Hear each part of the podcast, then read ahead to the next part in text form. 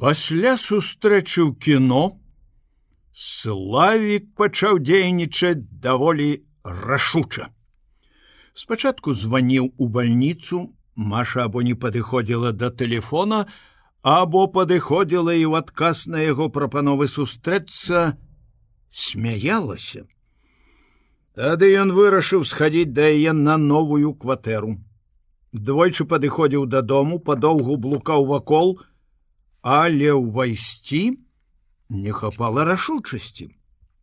Каб Маша жыла адна, а то з ёй нейкая Зося Савіч, пра якую бацька напісаў у газеце як пра гераіню падполля. Нашса не маладая ўжо. Столькі часу ён выпрацоўваў сабе незалежнасць, бессаромнасць, абвяшчаў вайну ўсім умоўнасцям, якія ўстанавілі людзі, а прыйшло да паверкі і ён выходзіць як усе як вучань восьмого класа які ўпершыню прыйшоў на спатканне. Смешна. Он здзекаваўся з сябе каб разлавацца і сапраўды плюнуўшы на ўсе ўмоўнасці пайсці ў гэты дом і сказаць пры ўсіх што ён кахае это рыжае дзіва але нічога не выходзіла. Рашучасці хапала да дзвярэй. Нарэшце ў трэці раз ён сходу ускочыў на другі паверх сходу націснуў на званок адчынілі адразу быццам чакалі каля дзвярэй адчыніла зося агледзела яго стыльна апранутага трохі падазрона. Ён спытаў маша дома? Тады яна відаць здагадаўшыся прыветліва усміхнулася няма А да вы заходзьце, калі ласка. Пачакайце, я думаю, яна хутка вернецца. Але яго чамусьці збянтэжыла гэтая маленькая жанчына ў халаце, яе усмешка і цікаўнасць, якой яна разглядала яго. І славік не здолеў адразу ж пераступіць парог, а ў наступны момант адбылося недарэчна яна спытала вы сын кириллы васильевича. Не. Не ведаю я ні кирилла ні мефодія о тады і я вас не ведаю і не магу пусціць у кватэру сказала яна без усмешкі самым сур'ёзным чынам і зачыніла дзверы Славік застаўся на пляцоўцы адзін, як дурань, якога прагналі з вяселля.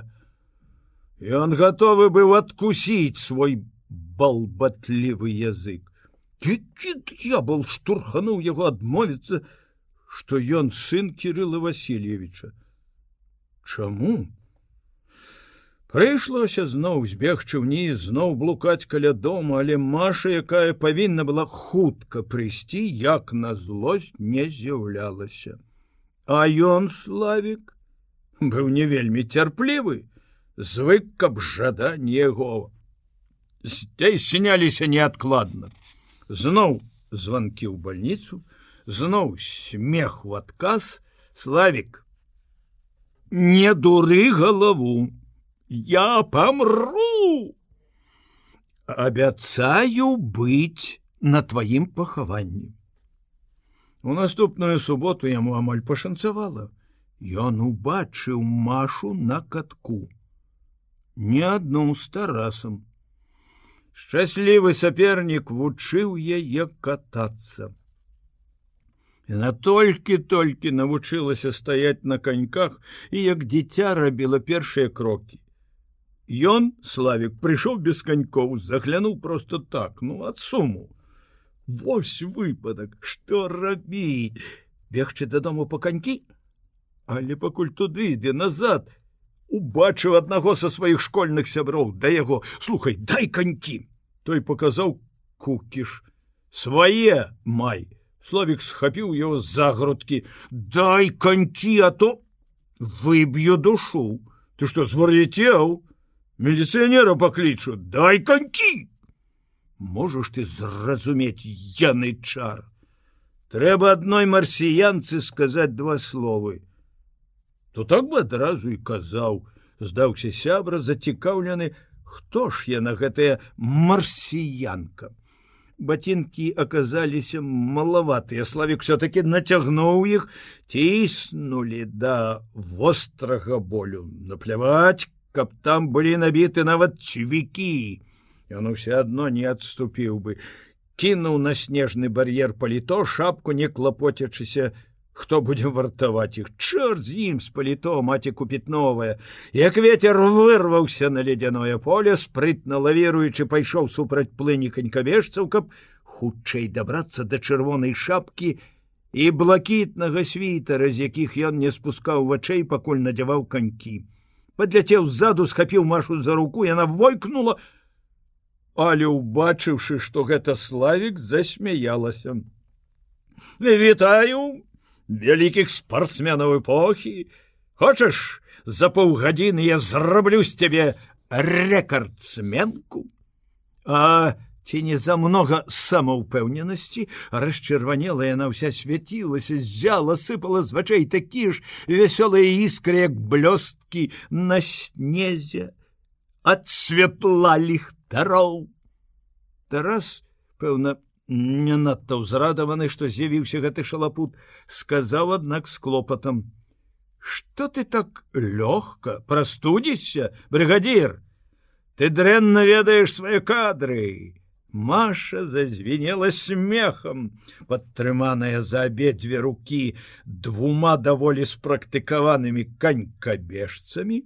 Яна пайшла больш упэўнена, хутка смела, шоргат сотень конькоў галасы і смех десятградусны мороз зянеінею іскрыстае святло ліхтароў пах елкі елка ўжо стаяла пасярод катка але не была яшчэ ўпрыгожаная асветлена ўсё гэта п'яніла напаўняла ўзнёслымі жаданнямі весялосці місіс марсіянка корпус наперад вось так глядзі на мае ногі не глядзі на яго ён жа ходзіць як лось на лёдзе под нібыта бескрыднымі жартамі хаваўся намер можа нават і несвядома смяяць прынізіць свайго саперніка.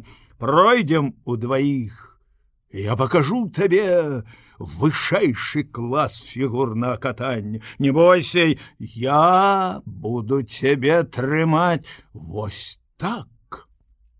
Славик паспрабаваў абняць дзяўчыну за талію але яна адхілілася і вырвала сваю руку славик ламаў галаву якім чынам адшыць тараса і хоць на короткі ну на кароткі час застацца з ёй э, з вока на вока? Тады ў гэтым карагодзе ён, напэўна, здолеў бы сказаць ёй пра свае пачуцці. А сказаць трэба сур'ёзнай горача, каб яна поверыла, каб зноў не палічыла гэта за легкадумны жар на яго ну звычайную безадказную балбатню. Недарэчна ўсё выходзіць, можа, упершыню ў жыцці, Яму захацелася пагаварыць з дзяўчынай з усёй сур'ёзнасцю і няма як а? Магчыма, што ўрэшце ён усё-таки нешта прыдумаў бы. Але калі ўжо не шанцуе, то не шанцуе да конца. Всё складвалася так, каб перашкаджаць яму. Немаведама, адкуль з'явіўся яраш з усім сваім вывадкам з Наташай віцем яны адразу падхапілі машу побач з імі пайшоў і тарас вся сям'я сабралася і ён славик аказаўся як бы лішні колькі хвілін ён круціўся вакол гэтага сямейнага ансамбля, выпісваючы самыя адмысловыя фігуры, яму хацелася паказаць свой прыт умення, але раптам сам Антон Кузьміч вырваўся наперад і зрабіў два-тры такія віражы вакол славіка, што хлопец пры ўсёй сваёй несамакрытычнасці зразумеў здзівіць свет яму няма чым а тут яшчэ падляцеў дурань сябра з яго славікавым палітой шапкай закрычаў парасё на ўвесь каток аддай мае канькі размовы не адбылося. Увесь наступны тыдзень славік быў заняты тым што пісаў машы пісьмы.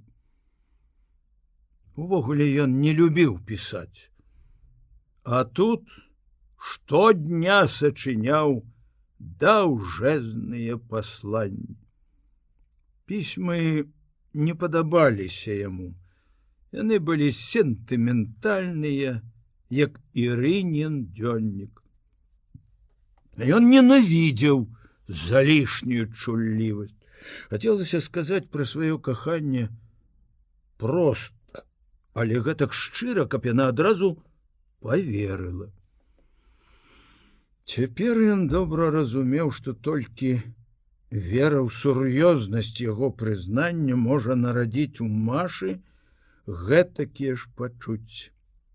Толькі такім чынам можна перамагчы саперніка а не дуэллю бойкай сваркай знявагай крыўляннем ну ці якім іншым глупствам. Але такія шчырыя пісьмы не выходзілі выявілася што напісаць так каб табе поверылі гэта зусім нелёгка.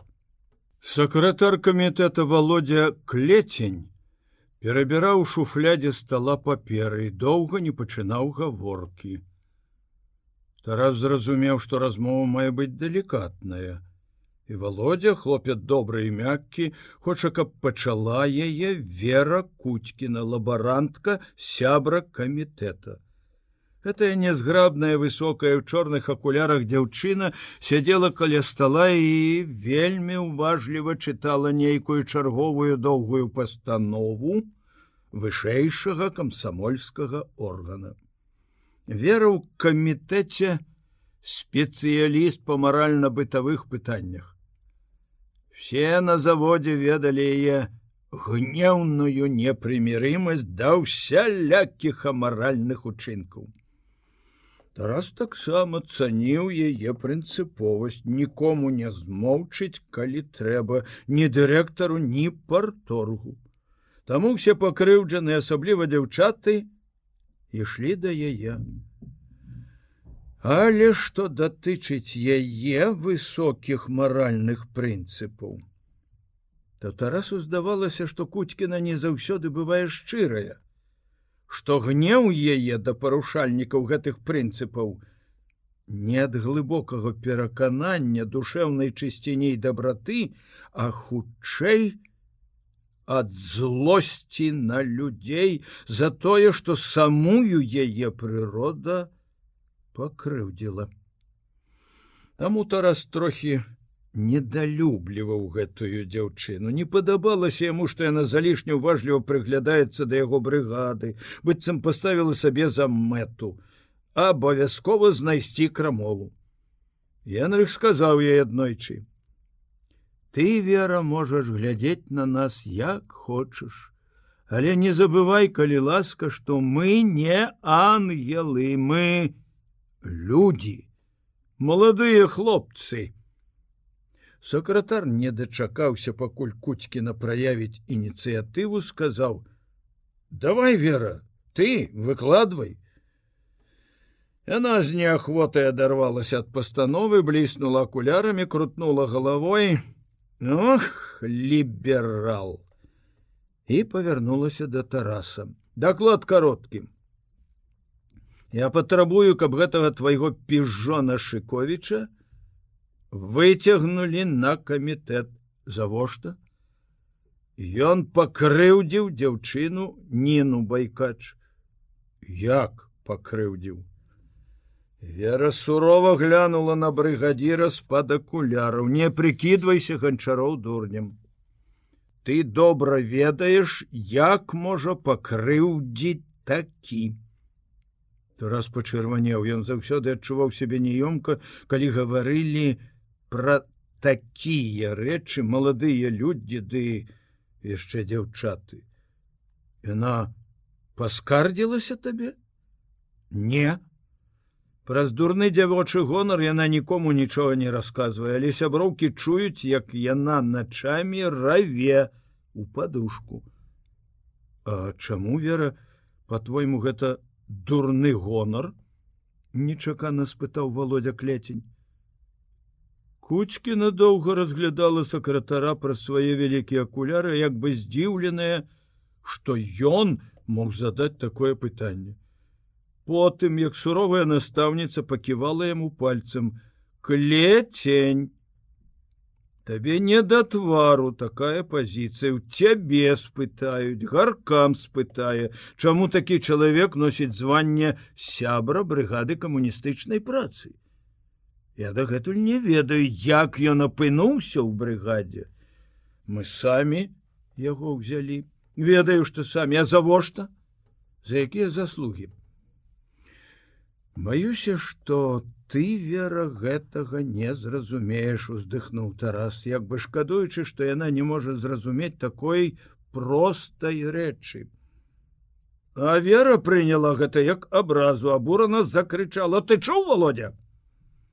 Адны яны все разумеюць. Что гэта такое а? Як не зазнайства хіба я не казала что нам трэба глядзець ды глядзець за гэтай брыгадай тарасу хацелася пасварыцца але ён змаўчаў іншае ўзрушыла Ён быў супраць, каб адносіны славі казнінай выносілі на камітэт. Хто ведае, што ў іх было? Калі дзяўчына не скардзіцца, толькі плача па начах і сохне, то на думку Тараса справы гэтая не для такога разбору. Тут трэба нешта другое.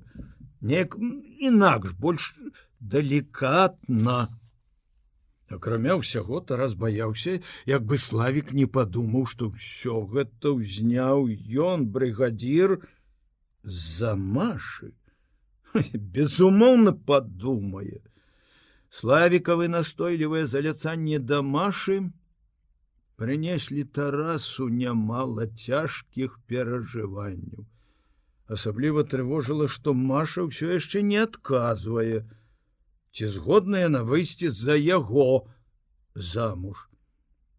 Але каб выгнаць славіка з брыгады, такой думкі ніколі не было. А вы жа могуць стварыцца абставіны, што зробяць іх ворагамі. І тады ўжо напэўна, в адной брыгадзе ім не працаваць. Володю клеценю можна было б пра ўсё гэта расказаць. Але куцькінай не перакруціць все да гары нагамі, даводзячы свае высокія прынцыпы. Тарас сказаў: « Дайце спачатку нам самім пагутарыць з ім у брыгадзе. Вера падазрона прыжмурылася, хочаце выпрацаваць тактыку, як абараняць свайго любімчыка, Ой, глядзі, канчароў, зацягне ён цябе ў балота. Славік і Генрых прыйшлі апошнія, даўжэй другіх мыліся ў душы, любілі паплёскацца.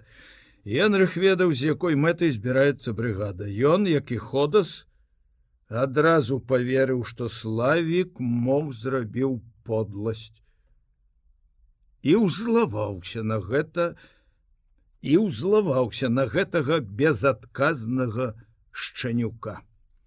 Яны разам працавалі на зборцы аўтаматычнага дэталя з'ёмшчыка. Славік як ніколі быў уважлівы і старанны, асісціраваў без адзінай памылкі. Гэта яго ўменне яшчэ больш злавала прафесара. Няўжо ўсе іх спадзяванні і намаганні, дарэмныя Няўжо не будзе чалавека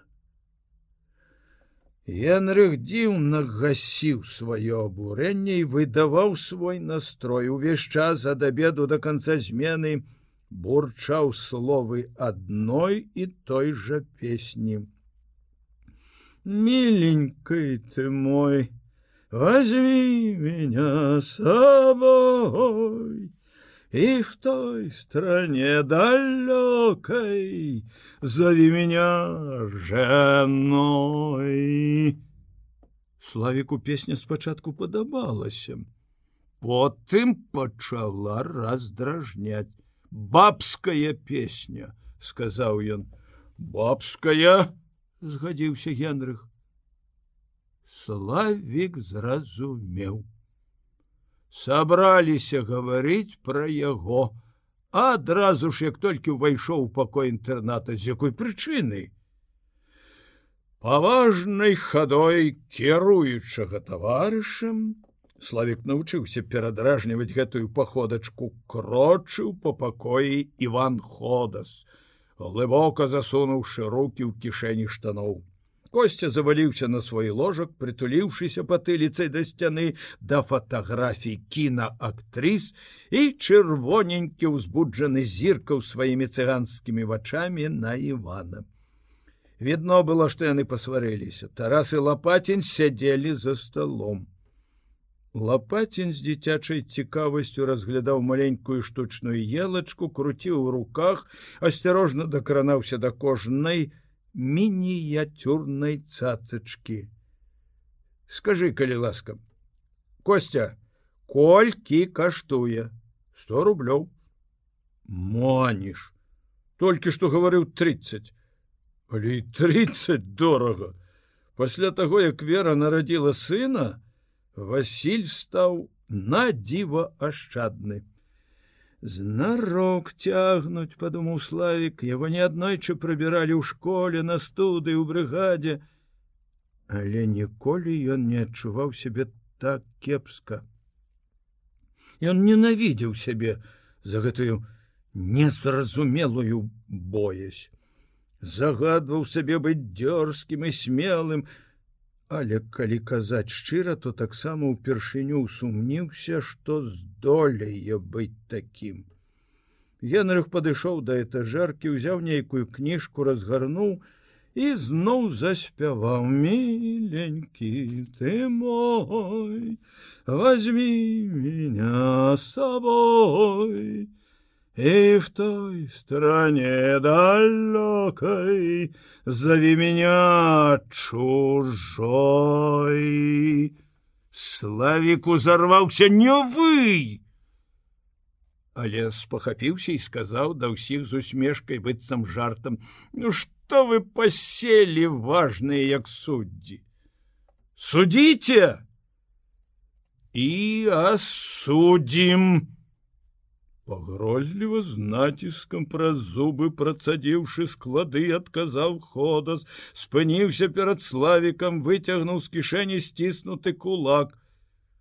Брыгаду ганьбіць не дамо хлопцы ну няўжо трэба няўжо трэба псаваць настрой перад новым годам зморшчыўся костя просячы вачамі ўсіх каб яны былі больш далікатныя не сварыліся ну адкуль столькі чуласцей добраты у гэтага хлопца.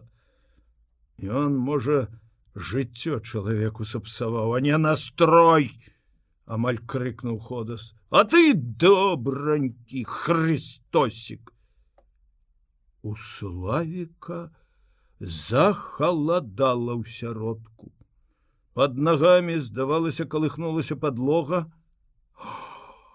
Вось яно! Прыйшло не Няўжо нінка зацяжарала і пра ўсё расказал На лбе выступіў пот здрадны пот. Выцерці не славик паварушыў пальцамі адчуў што яны зліпліся быццам іх вымазалі смалой. Чакай спыніў тарас ходаса які пачаў бы ўжо гаварыць гневную прамову. Спакойна спытаў у славіка. Скажи нам шчыра что ў цябе з нінкай? Дзяўчына плача начамі значыцца не скардзілася а толькі плачаў зрадаваўся славик тады адмаўляць все адмаўляць не здавацца наступаць. Ён давно ўжо пераканаўся, што лепшая форма абароны наступлення і закрычаў: « Ты ўжо пытаўся ў мяне пра гэта і я табе адказаў! І табе адказаў! Тыркнуў славік пальцам у Генрыха. Шчыра! Чаму вы не верыце мне? Крычыце пра веру чалавека, а самі лезеце ў душу, дзе трэба і не трэба не дзе трэба дзе не трэба не лезем адказаў тарас і попрасіў ну не гарачыся ты калі ласка а генрых з узнятай кнігай ступіў да славіка сказаў са сваёй звычайнай разважлівасцю па маралі мяшчанскай Мы, відаць, сапраўды не маем права лезці ў душу, як ты кажаш, калі справа датычыць тваіх адносін з дзяўчынай. А па маралі нашай, я думаю, мы маем гэтае право. Абавязаны костя, павярнуўся прафесор да косці і сунуў яму ў руки кнігу невядома навошта. А ён плюе на нашу мараль, ніяк не мог супакоіцца ходас. У яго свая брадвейская выхоўваем, давно пора гнаць. А я веру славіку. Хіба ён подвёл нас у чым? Дрэнным таварышам быў, Славік хмыкнуў. Ты наіўны, костям. Хіба не бачыш, што камусьці хочацца мяне выжыць. Я нахіліўся над сталом да Тараса, заглянуў зблізку яму ў твару вочы, аскаліўся як ваўчаня, што? Знайшоў прычыну, брыгадзір, Хочаш адпомсціць, Дык ведай, Я люблю Машу. Все адразу сціхлі. Тарас опусціў вочы, лоб яго пабялеў, а шыя налілася крывёю. Я так і ведаў, падумаў ён, але схамянуўся смела глянуў на славіка і сказаў спакойна і цвёрда: « І я люблю Машу але помсціць табе ён паківаў галавой няма за што і не думай что нам прыемна разбіраць такія справы. Вырашым так. Брыгадзір рэзка падняўся агледзеў сяброў. Рэдка ў яго быў такі рашучы выгляд. Звычайна ён любіў параіцца разважыць. Вырашым так. Калі ты сумленны перад нінай перад намі прыходь заўтра ў брыгаду і працуй. Мы слова больш не скажем. У камітэце я ўладжу калі ж ты зрабіў подласць і не маеш мужнасці прызнацца не прыходзь. Ён вымаю гэтае не прыходзь амаль шэптам, але выразна і цвёрда. Так будзе лепш для цябе. Праўду не схаваеш. Выганім з ганьбай.